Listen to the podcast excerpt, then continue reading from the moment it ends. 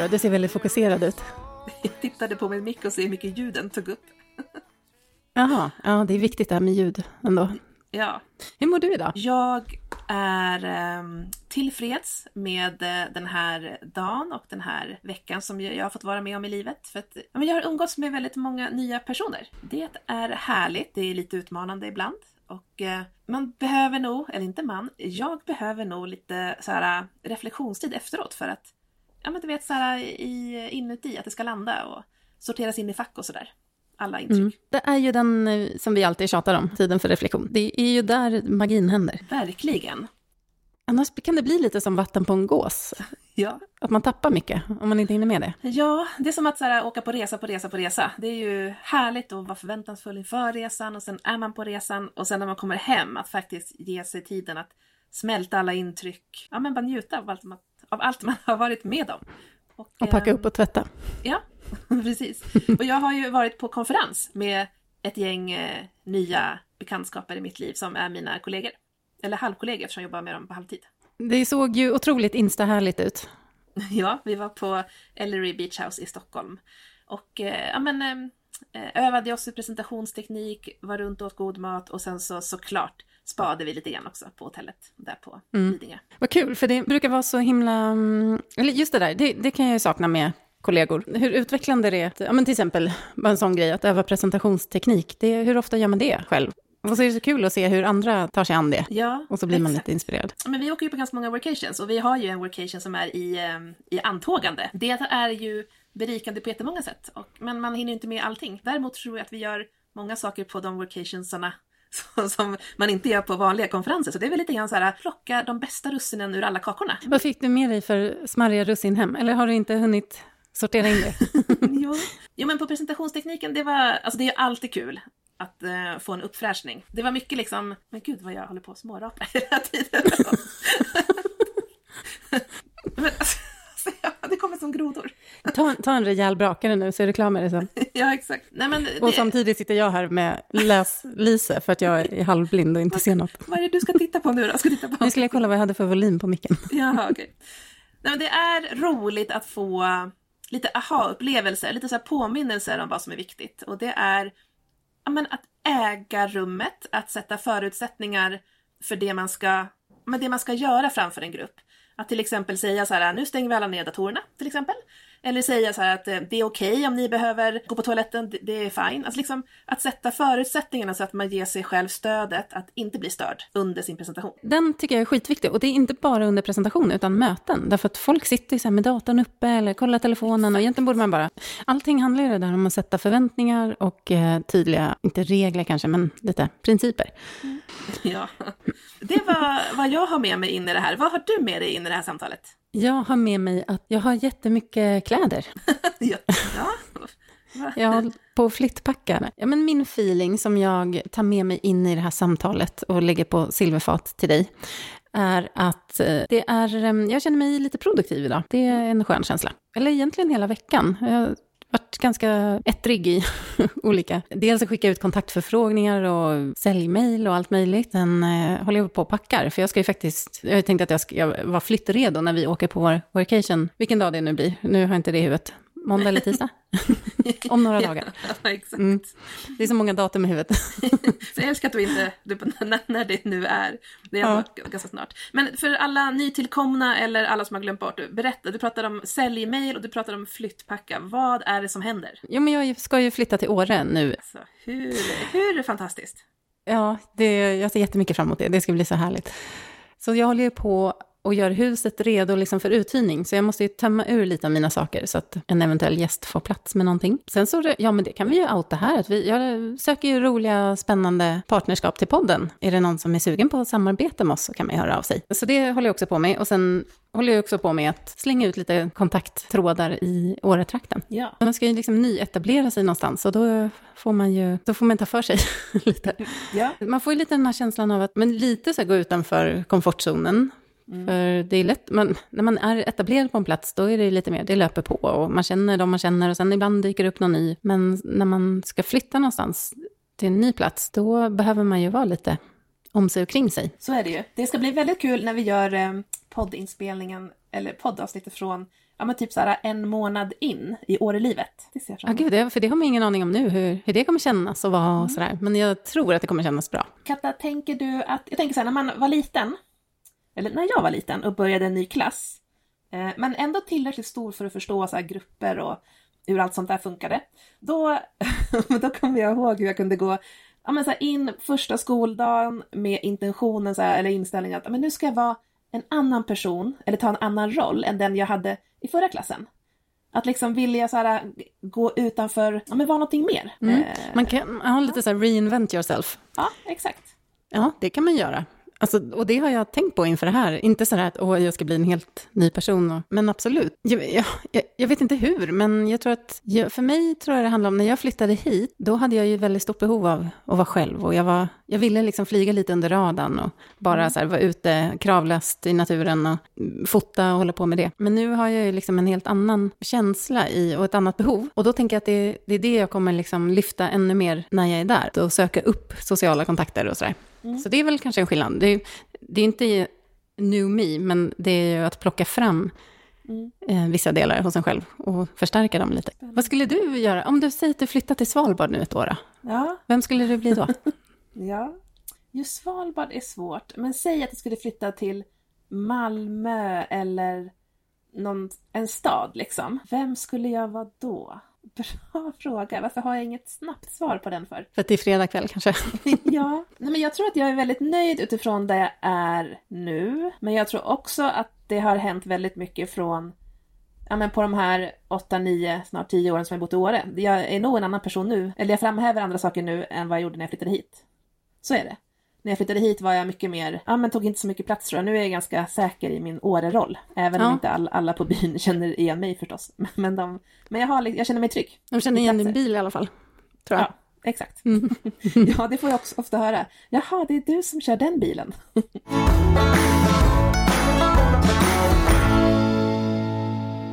Det knyter ju an lite till temat vi tänkte prata om idag.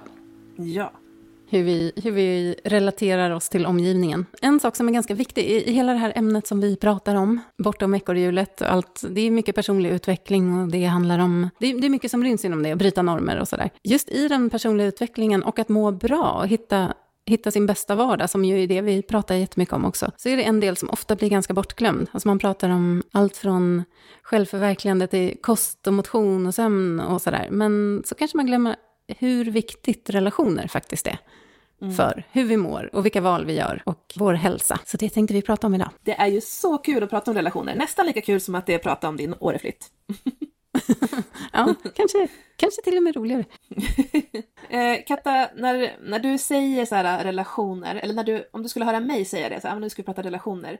Vad är din första spontana tanke då? Är det något positivt eller något negativt? Oj, vad svårt. Jo, men positivt säger jag nog ändå. Jag är ju väldigt relationsorienterad och ehm, intresserad av det också.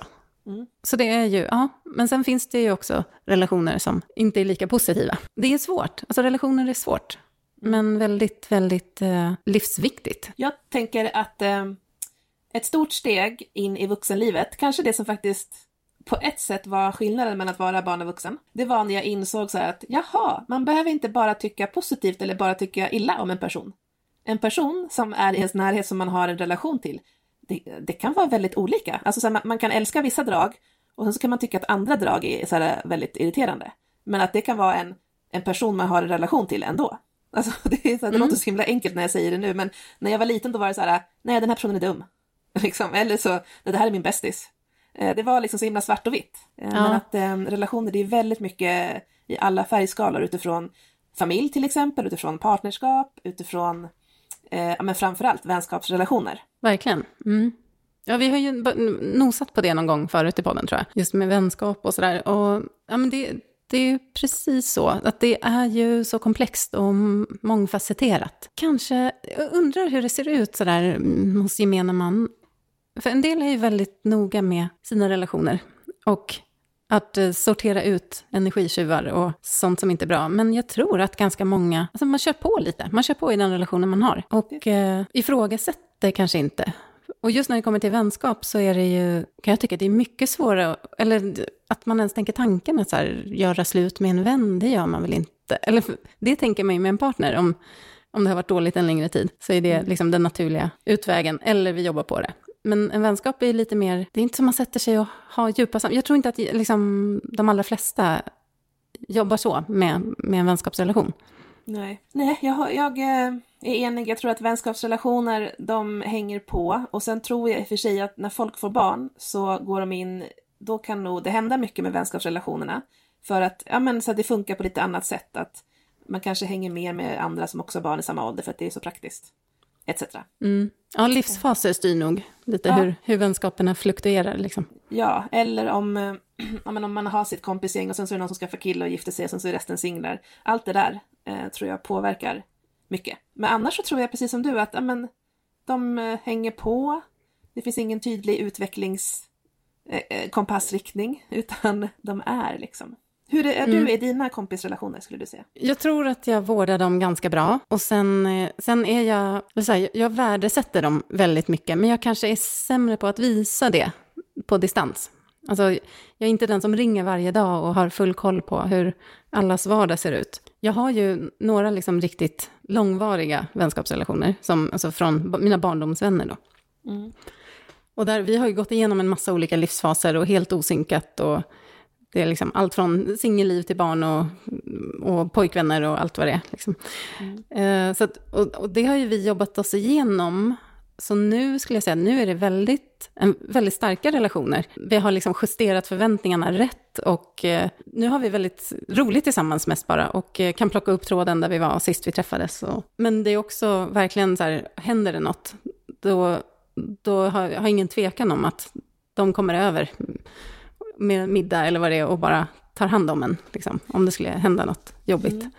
Hur, eh, du sa så att ja, men ni har ju tagit er igenom olika livsfaser och eh, diverse. Så här, har, ni, har ni gjort det på ett uttalat sätt? Så här, att oj, nu har vi en kris här. Hur, hur kan vi göra för att komma över den? Eller har det hänt bara automatiskt? Jag och en av de här kompisarna, vi hade ju faktiskt en, en lite gemensam, eller ömsesidig intervention, för, alltså när vi var typ 25.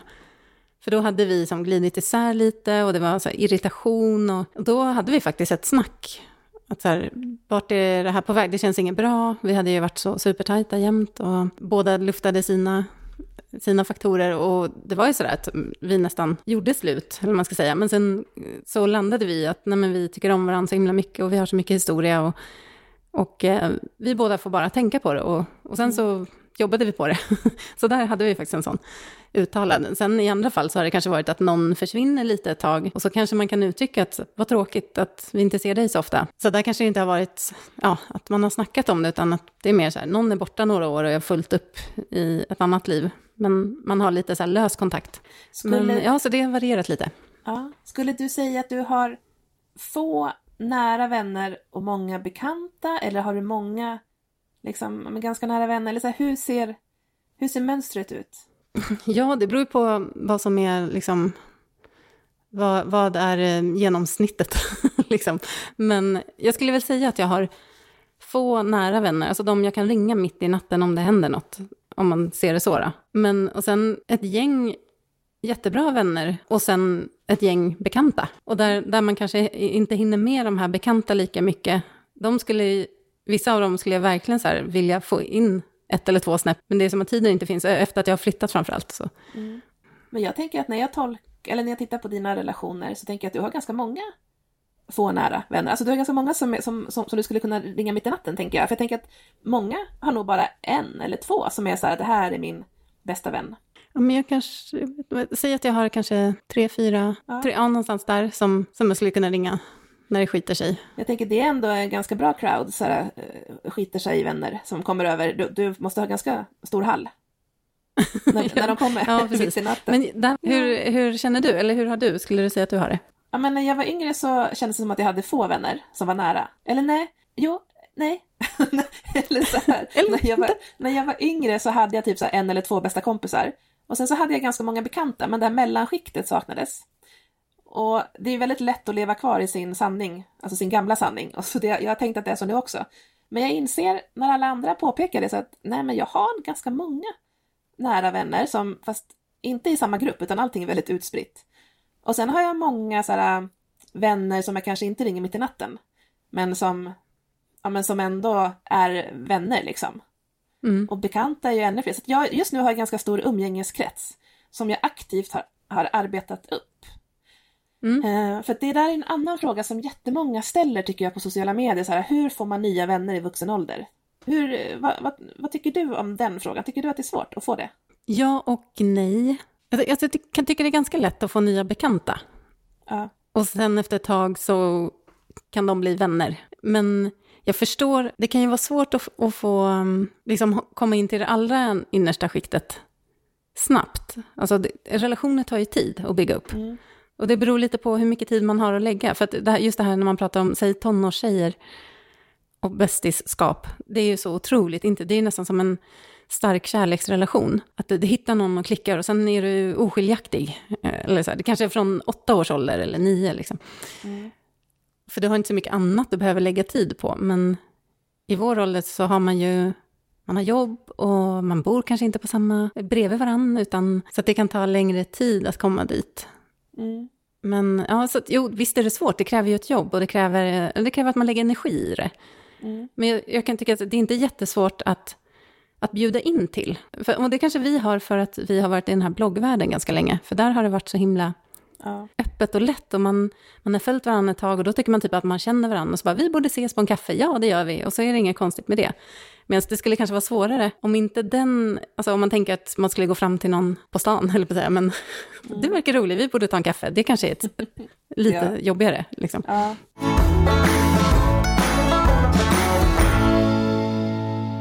Och där kan jag tycka att med kollegor så kan det vara svårt. Man träffas ju jättemycket, men att ta steget från kollega till förtrolig vän, den kan vara lite knivig. För det handlar ju också lite om yrkesroller och vad är det lämpligt att prata med varandra om. Och, eller så, att man går över någon slags gräns där. Jag blir så fascinerad över, ja men man har jobbat på ett jobb säger vi, och du vet, man, ja men som du sa, man spenderar typ åtta timmar per dag med varandra. Och man tänker så här, åh vi måste ses jättemycket, om, om man har liksom väljer att sluta liksom. Vi måste ta lunch, vi måste, du vet, ses hit och dit så här.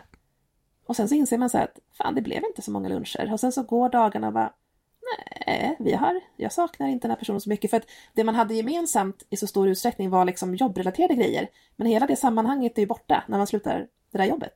Ja, och det blir ju tjatigt att prata om det i fem års Ja. tid. Ja, Liksom. så- det precis. går inte. Så då måste Nej. man ju bygga nya. Och det tror jag, de på jobbet som man känner att man kan prata om annat med, det är de som blir vänner. Jag tror faktiskt vi är olika där. Jag har nog inte en enda vän från jobbtid. Jag, jag, ehm, jag blir vän med min PT, jag, för vi dricker vin tillsammans och äter Ja. croissanter så att jag kan komma och träna lite mer. jag blir vän med min frisör, vi fikar tillsammans och ses och sådär. Jag, jag blir vän med jättemånga personer som jag bara råkar träffa lite regelbundet. Men folk på jobbet, jag är inte vän med en enda. Sådär liksom. Jag, vad, vad roligt att du säger det, för jag tänker att du har många jobbvänner. Nej, men det är workation-folk som jag bara, alltså som jag inte jobbar med men som jag hänger med. Eller vilka? Jag blev så nyfiken, vilka jobbvänner har jag? Jo, kanske, en- kanske en eller två. Men inte sådär jättemånga. Alltså, jag har jobbat med mycket folk så att eh, ration är inte till, eh, alltså det är, det är låg ratio. Mm. Vänner jämfört, eller gud vad jag krånglar in mig när jag är matematiskt där. Men ja. ni Ja, jag förstår vad du menar. Mm. De jag som vi- fattar, fattar. Ja, jag, jag tror när jag tittar på våra liksom, respektive beteenden så ser jag att du samlar på dig vänner från jobbet på ett helt annat sätt. Det är liksom där du odlar dina relationer och sen så jag, jag kommer nog in med ganska lite från mitt privatliv till jobbet och stänger det där sen. Ja, gud vad Mm. intressant. Ja, det är för, för jag har sett mig själv som en som inte blir kompis med folk på jobbet. Så- Och dig som en som blir det, så nu måste jag bara Ja. reboota hjärnan. Det ja, det kanske är så, det har inte jag tänkt på. Fast det är mycket liksom internetkompisar också. Du och jag är ju internetkompisar från början. Och det det är flera sådana jag har. Jag, så jag tycker nästan att jag har fler nya vänner därifrån, om man säger.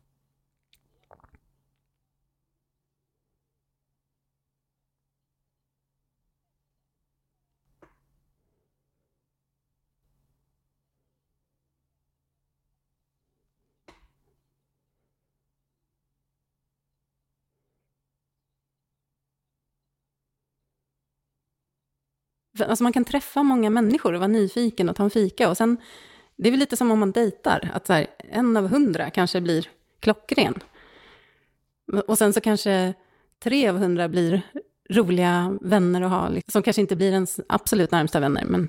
Jag hade ju, och det här tror jag att jag har nämnt i podden förut, men inför det här året så hade jag som, så här, inte ledord, men en aktiv punkt, att jag skulle ja, men, utöka mitt nätverk eller min bekantskapskrets. Så att jag har sagt ja till massa grejer där jag har så här, känt att åh, nu ska jag träffa massa folk jag inte känner. Då bara, ja, det ska jag gå på. För det har ju varit något som jag har velat göra mer av, att liksom träffa nya människor. Det har varit väldigt kul att hålla fast vid det. Eh, och jag tänker på min sommar. Jäklar, jag träffade så mycket folk. Det är lite så hot girl summer, fast på kompisfronten. ja, exakt. Precis.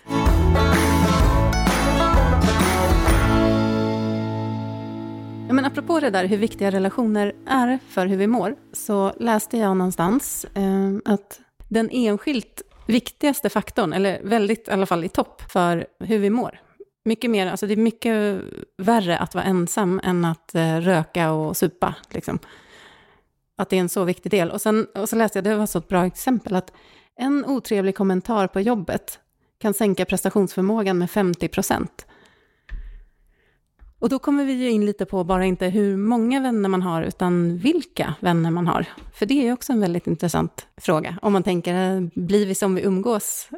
Och i så fall så borde vi ju vara jättenoga med, med det. Utan att ha, liksom, sitta som någon slags så här, domare över sina kompisar och bara, du är inte bra för mig, men du... Det kan låta så himla ego att, att liksom, sitta och bedöma sina vänskaper på det sättet.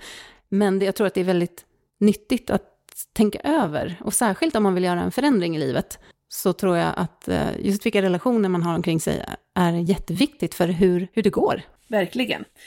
Man brukar ju säga att, att man blir som de man umgås med och det finns väl också någon, eh, någon siffra på det där, att, att man är en mix av sina typ, eh, är det sex närmsta relationer tror jag, eller vad det nu är. Jag vet inte om det Oj, stämmer, om det är någon forskning, mm. men det är en sån här grej som brukar dyka upp.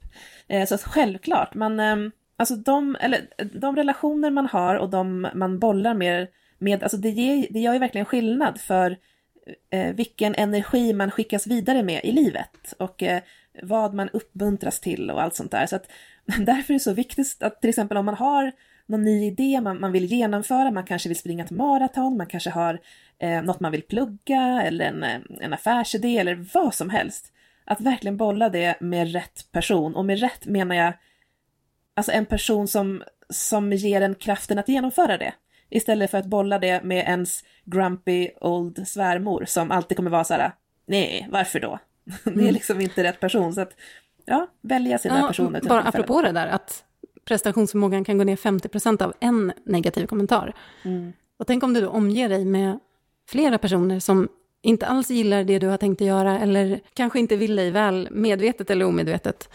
Exakt. Tänk hur mycket det kan påverka, hur, ja. vad det blir av det. I Seasons of You, då har vi haft eh, som en uppgift, vi har inte haft det alla gånger, men ganska många gånger, att, att identifiera en powerperson i sitt nätverk som man kan eh, höra av sig till just när man behöver bolla idéer för att ta sig framåt. Att verkligen ha så en, en utvald person som att men det här är den personen som ger mig den kraft jag behöver för att ta nästa steg.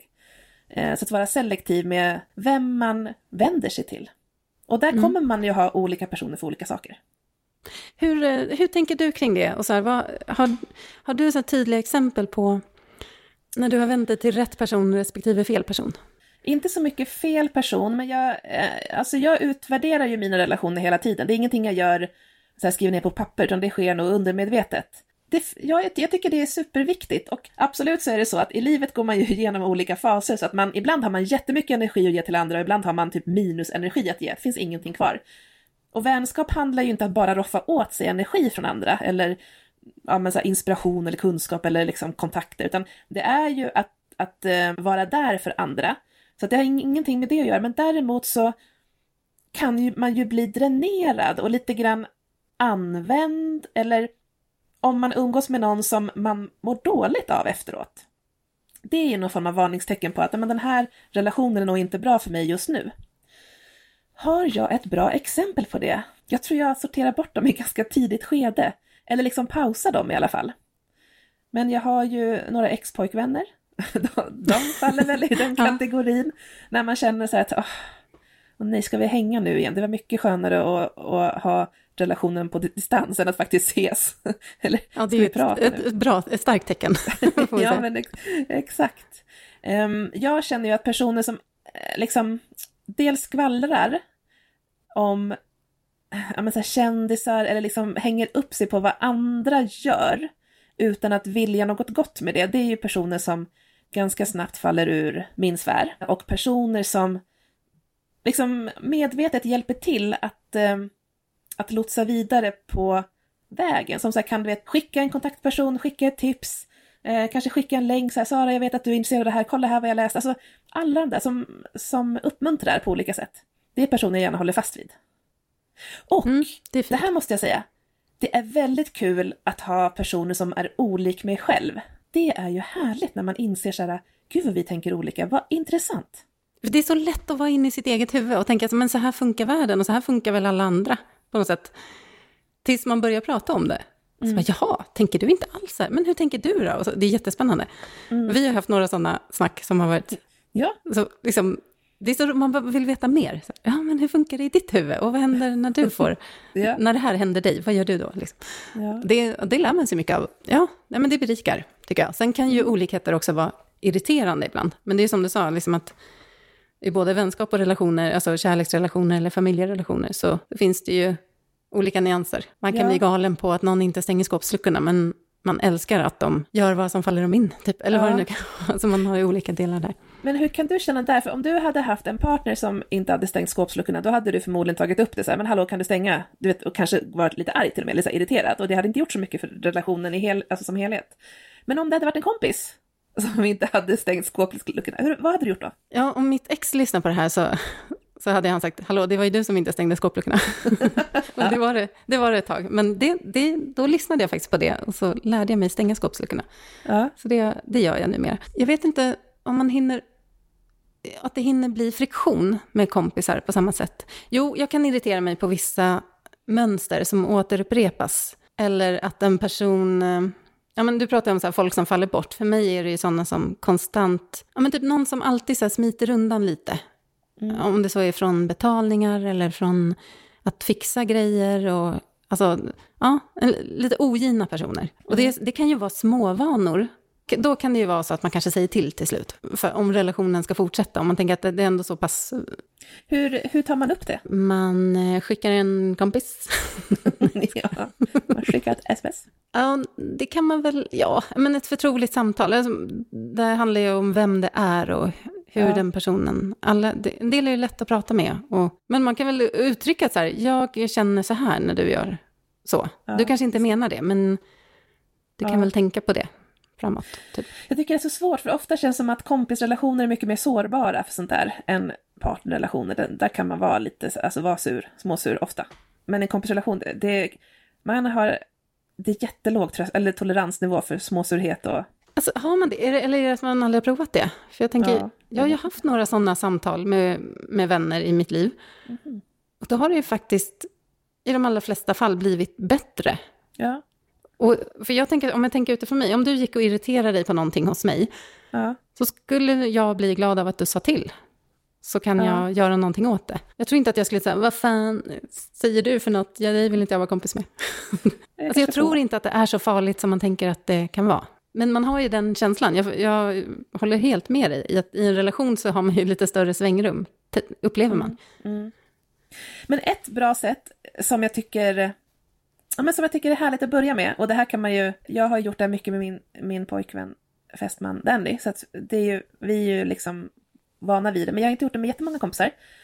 Några stycken, kanske med dig faktiskt nu när jag tänker efter. Men det är ju liksom att ha så en liten utvärdering, så här, okej, okay, vad är de två bästa grejerna med vår vänskap och vad kan jag göra mer för dig som, som vän? Det hade varit en ganska härlig grej. Typ som ett litet utvecklingssamtal. Ja, exakt. Det tycker jag. Och där, där tror jag att du och jag är ju ganska eh, orienterade på det redan. Alltså vi, ja. vi pratar ju mycket så om livet i stort och sådär. Ja. Och så kan det säkert vara jättestelt att göra det med vissa av ens vänner.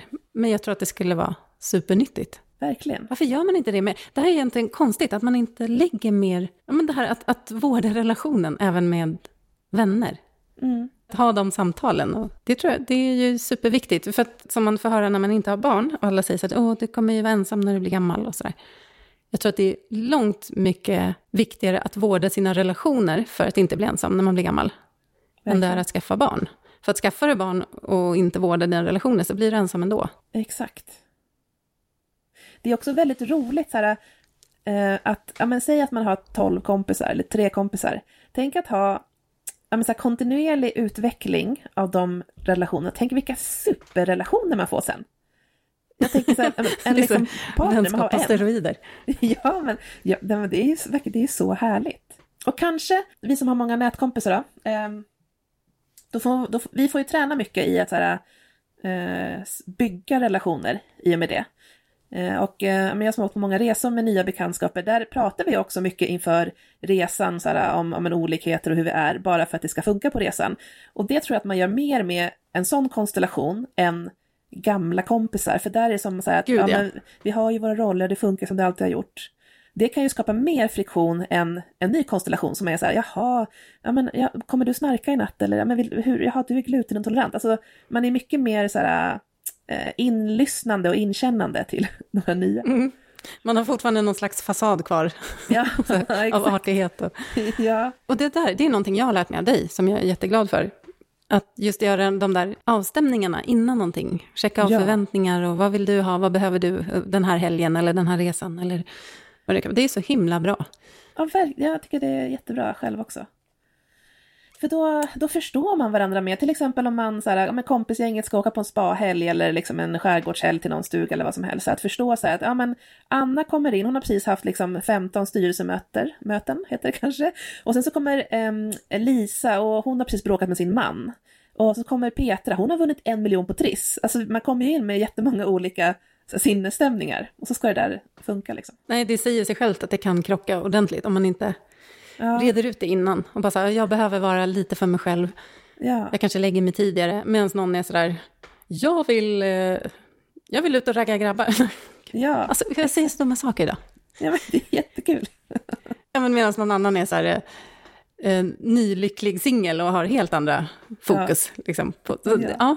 mycket bra. Det är ett riktigt bra lifehack som du har kommit med där, tycker jag. Ja, det, jag använder det mycket.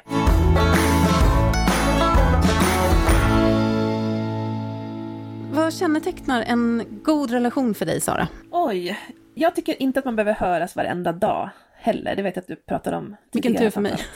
ja. Men ehm, jag tycker ju att de härligaste relationerna består av så utforskande samtal. Att så här, prata om drömmar och planer och funderingar och liksom få ja, men, leva i dem. Det tycker jag är härligt. Eh, Jag är ju inte en sån person som tycker om att prata om den senaste Netflix-filmen. Filmen. Jag kan inte heller prata idag. Eh, Så att jag tycker om ja, men, de här existentiella samtalen. Men det har ju inte så mycket med egenskaper att göra. Det är ju mest liksom intresse. Vad tycker du eh, kännetecknar en god vän? Ja, men en, en god relation, om det nu är vän eller familj eller kärlek, det är väl att... ja, jag, har inte tänkt på svaret själv här, men nu, svarar, nu drar jag svaret spontant här direkt från hjärtat. Eh, ja, men att den får mig att växa, att jag inte ska känna mig hämmad och tillbakahållen. Och att jag känner mig trygg, men ändå utmanad på något sätt. Mm. Det tycker jag är en bra relation. Alltså att ha den känslan. Och det är så, för mig är det så, jag tycker ju att jag växer i sådana samtal som du pratar om. Och sen kan det också vara att man blir utmanad att göra någonting man aldrig hade gjort annars. Utforska nya intressen eller vad det nu kan vara. Men sen att det finns den där tryggheten att, ja men det har jag alltid haft som en så här, någon man kan umgås med och bara vara tysta bredvid varandra och, typ, och det inte blir obekvämt. Nej. Det är en sån, en sån känsla av trygghet. Att vi behöver liksom inte alltid eh, prestera, eller vad man ska säga. Utan så här, för då, då känner man sig trygg med någon. Att, lite som om du sitter med din partner hemma i soffan, så är det inte att du, på första dejten, då känner du ju att så här, "Ah, nu måste vi prata om något intressant. Och efter ett tag så känner man sig så pass trygg att det går bra att bara hänga och vara alldeles tysta, sitta och läsa bredvid varandra eller vad det nu kan vara. Det är fint. Hur känner du det här med att... Ja, men du har ju flyttat runt ganska mycket, det har jag också. Hur känner du kring det kopplat till relationer? Det handlar återigen om det här med förväntningar. Jag kommer ihåg när jag flyttade från Stockholm till Norrköping, då, jag hade ju ja, några vänner i Stockholm som jag umgicks mycket med ganska ofta. Och jag var mycket barnvakt, så jag hade ju många relationer med barn. Och sen flyttade jag till Norrköping och sen hade jag själv någon slags förväntan på mig att ingenting ska förändras. Det kommer vara precis som vanligt. Så jag flängde ju mm. som ett skållatroll för att hinna träffa alla. Så, och där tror jag när man flyttar och det blir liksom andra förutsättningar, då behöver man nog vara tydlig med det. Om jag fick en chans att gå tillbaka så hade jag mm. gjort det. Och sagt att nu kommer inte jag kunna vara lika mycket här. Och vissa gånger när jag är i Stockholm så kommer jag behöva välja. Mm. Att jag kan inte träffa alla varje gång, och så att inte någon blir sårad för att vi inte sågs den här gången. Och då, då tror jag att det kan funka bättre och att ja, men så här, hur ska vi hålla vår vänskap vid liv då? då? Jo, men vi, vi kan väl facetima en gång i veckan och ja, vi ser till att vi alltid har en resa bokad till varann på något sätt, eller något, något sånt. Eh, så behöver det inte vara... Men sen blir det ju oundvikligen så att man, man träffar ju nya människor också på den nya platsen. Och då, ja. då blir det ju... Men det är också lite som Sanne sa, så här, hjärtat blir aldrig fullt. Nej, det blir det inte, men kalendern kan ju bli full. Ja, tråkigt. Ja, det är tråkigt. Så där får, där får man väl ta och, och kanske ha, hitta sina nivåer på vänskap. Hur tänker du kring det? Ja, men jag satt och funderade medan du pratade. Och jag, eh, alltså jag tycker väl att mycket av relationerna behöver inte vara att man ska ses fysiskt, utan det kan vara väldigt mycket med telefon, digitalt, DMs och sen så att man faktiskt prioriterar att ses när man väl kan ses. Kanske har eh, ja, men, eh, en kompis kväll, kanske en kompisövernattning, alltså så att då, då får det vara lite en annan typ av umgänge Ja, jag tror att många av mina relationer har jag liksom plockat med mig oberoende på vart jag bott någonstans. Eller oberoende av vart jag bott någonstans. Och sen så finns det ju relationer som jag skapat på den nya orten som har varit lite mer ytliga. Och som inte har hängt med till, till nästa ort. Och det är liksom helt fint för att alla relationer behöver ju inte bli bästisrelationer utan det kan ju vara, de, de kan ha en annan karaktär och, och så kan man vara jättelycklig över dem ändå. Men jag har aldrig varit en sån som har träffat kompisar flera gånger i veckan eller haft de här vet, videokvällarna hemma vem säger ens videokvällar längre? De här Netflix-kvällarna hemma. Vi som är födda innan internet. ja, exakt. Vi hade ju Ally McBeal-kvällar. Liksom det var mysigt. Inte, ja, men jag, det låter mysigt, men jag har inte haft dem på det sättet, så där har jag inte jag så mycket att sakna, utan vi har setts lite mer sporadiskt ändå. Och till och med så att vissa av mina vänner när jag flyttade från Stockholm till Halmstad träffade faktiskt oftare efter flytten än innan. För att när vi, när vi alla bodde i Stockholm, då var vi ändå så utspridda och det var alltid så att eftersom man kunde ses varenda dag potentiellt så blev det så att, att man liksom sköt upp det och prioriterade annat. Så tänkte man, ja vi tar det nästa vecka och nästa vecka. Men när jag då bodde i Halmstad, då blev det så här, ja Sara du är här vecka 40, ja men då måste vi ses. Och så blev det av. Ja, det kan ju bli mer kvalitetstid. Det har ja. jag känt med, med mina kompisar, att när vi ses så ses vi ju ofta så här med övernattning, eller de, de ja. kanske är här några dagar, eller jag åker dit och bor hos dem. Och då blir det lite mer kvalitet. Sen blir det ju inte oftare, men det blir bra.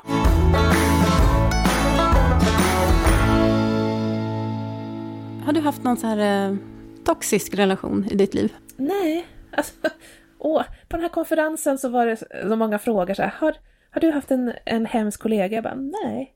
En toxisk relation?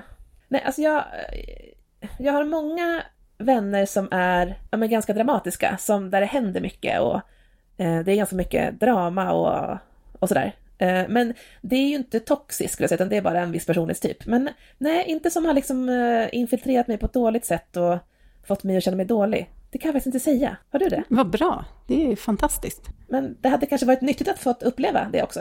Ah, jag vet inte. Alltså det är inte roligt, det är det ju inte. Men det är klart man lär sig någonting av det. Har du haft en sån? Men... Och, och vad lärde du dig då?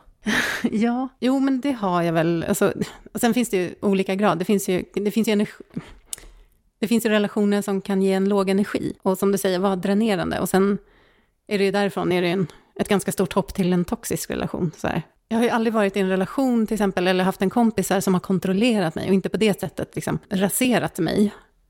Men det, det finns ju Jo, men det finns ju relationer i mitt liv som har en eh, väldigt så här, stark påverkan på hur jag mår och, och åt det negativa hållet. Mm.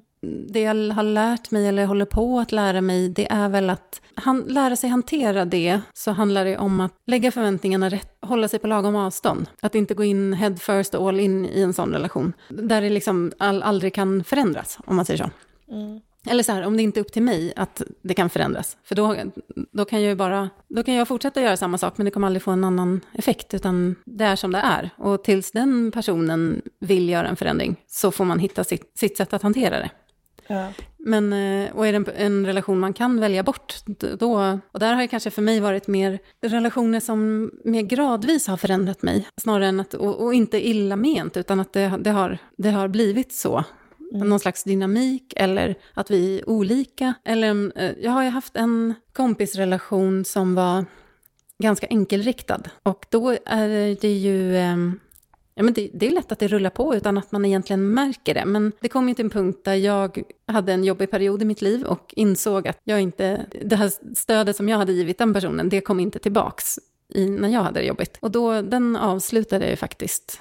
Ja. För det kan man ju göra. Precis. Och jag tänker lite grann att eh, ja, men vissa personer kan man ju umgås med hela tiden och det är alltid härligt liksom. Jag har ganska få av den typen. Eh, till och med min kille åker ju bort på jobbresor. Jag tycker det kan vara ganska skönt. Eh, jag tror inte att jag hade blivit, varit den bästa partnern om vi hade haft en vardag tillsammans varenda dag och gjort allting tillsammans. Det hade inte blivit bra. Eh, och jag tänker att det är ganska liknande i kompisrelationer också. Att det är lite grann som att äta glass.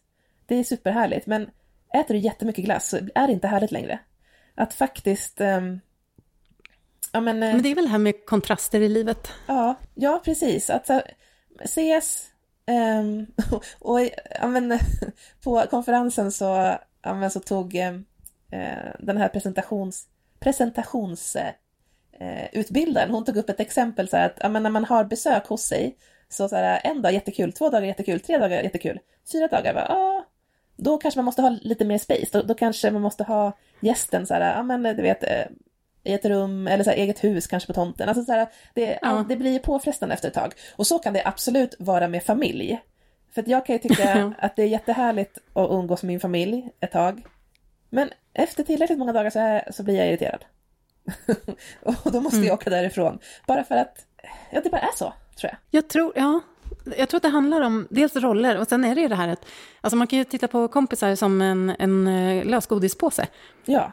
Att det är olika smaker och så här, men man vill inte bara ha en smak eh, hela tiden. Nej. För att det, blir, nej, det är bra med variation. Det är samma sak alltså, i en kärleksrelation, att bara umgås med den personen och inte någon annan. Alltså det blir inte bra Nej. Det går liksom inte. Man behöver ju variationen, man behöver influenser utifrån. Och typ i en kärleksrelation så är det, tror jag, att det är minst lika viktigt att umgås med andra och få se sin partner i det samspelet och få så här, jaha, lite nya ja. ljus på den personen. Liksom. Och så är det med vänner också. Så det, mm. det, tror jag, det är bara liksom fullt normalt och sunt. Ja, men jag tror det också. Man får bara komma ihåg det, så här att bara för att jag inte klarar av att umgås med den här personen mer än fem dagar i sträck eller tre dagar i sträck så innebär inte det att, att, att vi inte är menade att, att vara kompisar eller att vi har det dåligt eh, oss liksom syskon emellan. Det är bara så här det är liksom. Alla har ju sin integritet och ja. behov av space och eh, variation. Exakt, och det kan vara väldigt skönt att komma ihåg det i samband med typ jul. Det det. ja. Ja, nej men eh, sammanfattningsvis då. Jobba med relationerna i livet kan man väl konstatera. Ja, verkligen. Ja, var, var medveten om dina relationer. Bara där, att liksom tänka till på, men vilka relationer har jag i livet och vad fyller de mig med och vad bidrar jag med till dem? Alltså bara där är en jättefin start. Precis. Hur får, jag, hur får de mig att må och hur får jag dem att må? Du har ju din, eh, eh den här principen med att du, du är noga med ditt flöde alltså i sociala medier och vad du tar in, att du inte läser kvällstidningar och så. Det har ju du pratat om mm. förut. Mm. Och det är väl kanske lite samma med, med ens relationer, att man ska vara noga med det flödet också. Verkligen så, Katta. Ja, eftersom det har sån otroligt stor effekt på både vår hälsa och vårt mående, så lyft det. Och sen så kan väl jag skicka vidare den här Seasons of You-reflektionsövningen, att så här, vilken powerperson har du i ditt liv? Um, om du inte har en så dedikerad sådan, uh, reach out till en person som du skulle vilja ha som powerperson i ditt liv. Och det kan vara en person som du bollar karriärfrågor med eller när du behöver liksom konstruktiv men ändå positiv feedback på saker, då är det den här personen du ska höra av dig till. Och du kan mycket väl låta den här personen veta att, att det är din powerperson också. Ja, för vem skulle tacka nej till det? Det vore ju otroligt smickrande att få en sån förfrågan. Ja, eller hur? Och sen det här du sa med att göra en utvärdering i sin vänskap. Mm. Eller i sin ja. relation. Utvecklingssamtal liksom, var det mm. menade? Mm. Det tyckte jag var jättebra. Det, ja, så låt det bli ett höstprojekt. Ja, men då Sara, har vi, har vi rätt ut det här också. Snart har vi löst alla, eh, alla världsproblem. Ja, men jag känner att det här med relationer, det finns så mycket att prata om, så vi kanske får återkomma till det några gånger framöver. Ja, jag tänker att vi ska göra det. Eh, att vi ska kanske bjuda in en spännande gäst på temat också. Spännande gäst och flera vinklingar, det finns så mycket att prata om. Där tar vi och knyter ihop säcken, Sara. Ja, det gör vi. Tack för att du har lyssnat och vi ska också tacka Sven Karlsson! Karlsson, ja, och Epidemic Sound. Alltså du kan ju fan i mig få ta över det här nu, känner jag. nu har du det. och de står alltså för poddmusiken. Vi hörs igen om två veckor och tills dess så säger vi Hej då, ha det Riktigt härligt.